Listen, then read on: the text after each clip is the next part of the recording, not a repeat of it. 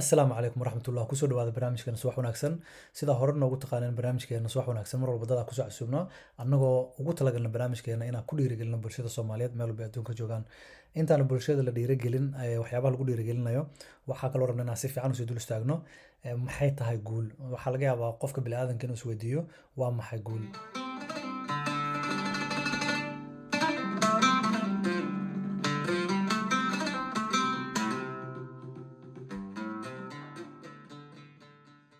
waxaan rabnaa inaan maanta dul istaagno waxa loo yaqaano guul ama af ingiriiska lagu yidhahdo success.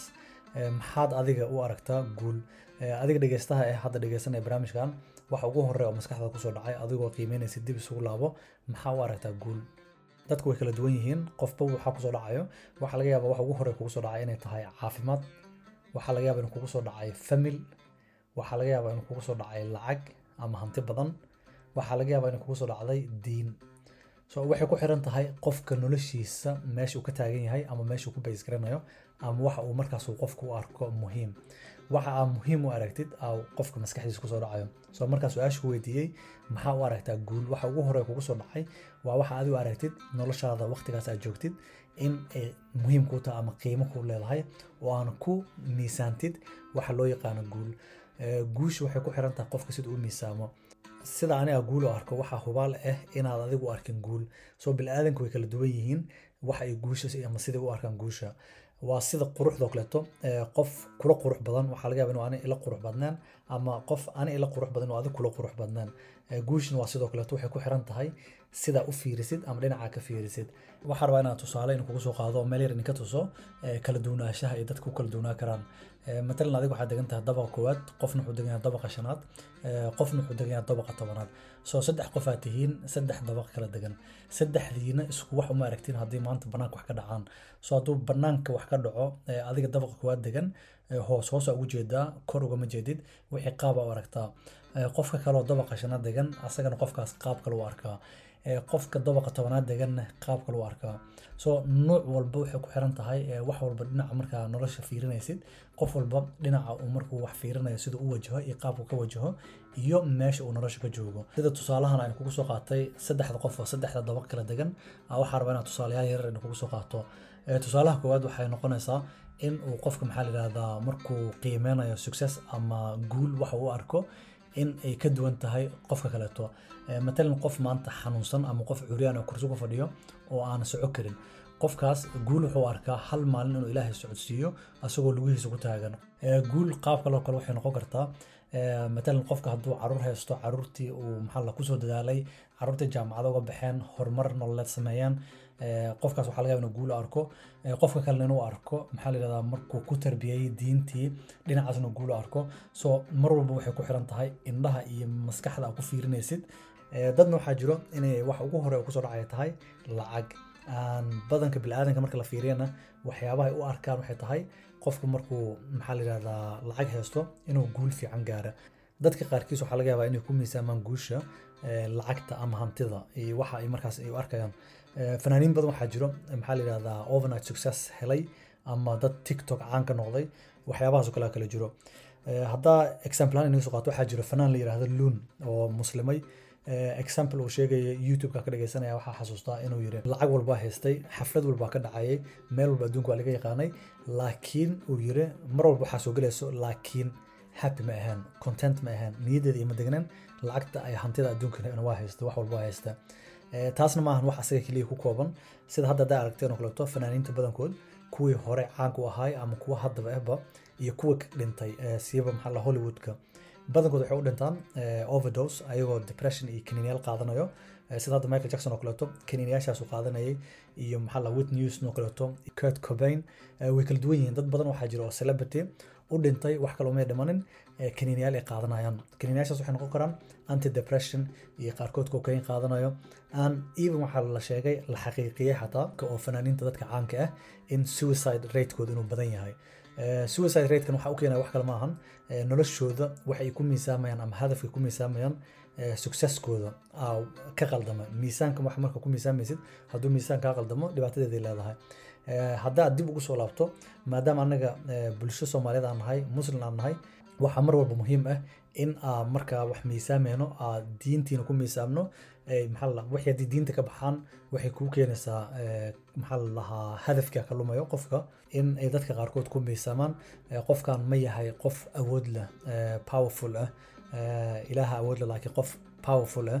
Sida loo yaqaano hadda obama oo kaleeto waxay dhahaan dadka wuxuu yahay dadka iyo oprah winfrey oo kaleeto eh, the most powerful listiga iyo soo galaan jay z noocyadaas way kala duwan yihiin. Dadkaas powerfulka soo gelayo waxaa ka dambeysa waxay tahay maxay ku gaareen meesha? Maxay powerful ku noqdeen Eh, successkooda maxaa lagu rate gareeya Eh, wax fiican maa lagu yaqaanaa? Wax xun maa lagu yaqaanaa? Haddana waxaa kaloo jiro dad badan oo influencer ah oo caan ah maxaa la yidhahdaa? Ma wax fiican ay caan ku noqdeen mase wax xun ay caan ku noqdeen so qofka successkiisa markuu fiirinayo ama qof kale markaa fiirinayso successkiisa waa inaa mar walba fiirisid maxaa ku qiimeynaysaa? Sida hadda naagtan oo caanka ah oo kim kardashian la yiraahdo eh, maxay caan ku tahay ama maxay caan ku soo noqotay? Waxay caan ku soo noqotay eh, video xun oo waxyaabaha pornographiga ah ay caan ku noqotay. So waxaa laga yaabaa dadka qaarkood inay u arkaan naag success ah oo maxaa la yidhahdaa ku dayasho mudan oo ay wax fiican inay bulshada u hayso. Laakiin maxay ku soo bilaabatay waayo? Waxa ay ku soo bilowday maxay caan ku ahayd? Waxaa laga yaabaa mararka qaarkood waxyaaba aa diinta iyo dadnimadaada aanan macquul ahayn in aa ku salaysid ama ku miisaantid tiraahdid qofkan success u gaara badankan waxaa laga yaabaa khaasatan eh, generation hadda soo socdo. Markii miisaamayaan qofka successkiisa waxyaabaha ugu badan ay ku miisaamaan successka inuu qofkan horumar gaaray guul noloshiisa ka gaaray inay tahay inta follower uu haysto Eh, tiktok ma laga yaqaanaa snapchat ma laga yaqaanaa youtube si fiican ma looga yaqaanaa Eh, dad badan baa kala soo socdo. Ayagoo fiirinaynin qofkan eh, caafimaadkiisa waa sidee jeebkiisa meeqa ku jirto lacag ma haystaa so waxyaabo badanaa jiro. Maahan dadka qaarkood inaa follower fiirisid.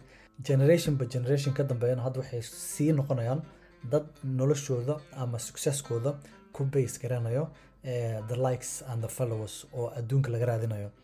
Dadka may jecel yihiin bulshada may taqaanaa waxaan caan ku ahay maxaa la even ani waxaa garanaya eh, dhalinyaro oo aa aqaano in inta baabuur soo kireystaan ay ayaga lahayn isku sasawiraan. Intaasna waxay u sameynayaan? For the likes and the followers. Ferrari la kireysanaya la isku sawirayo in lagu sawiro bulshadii la tuso.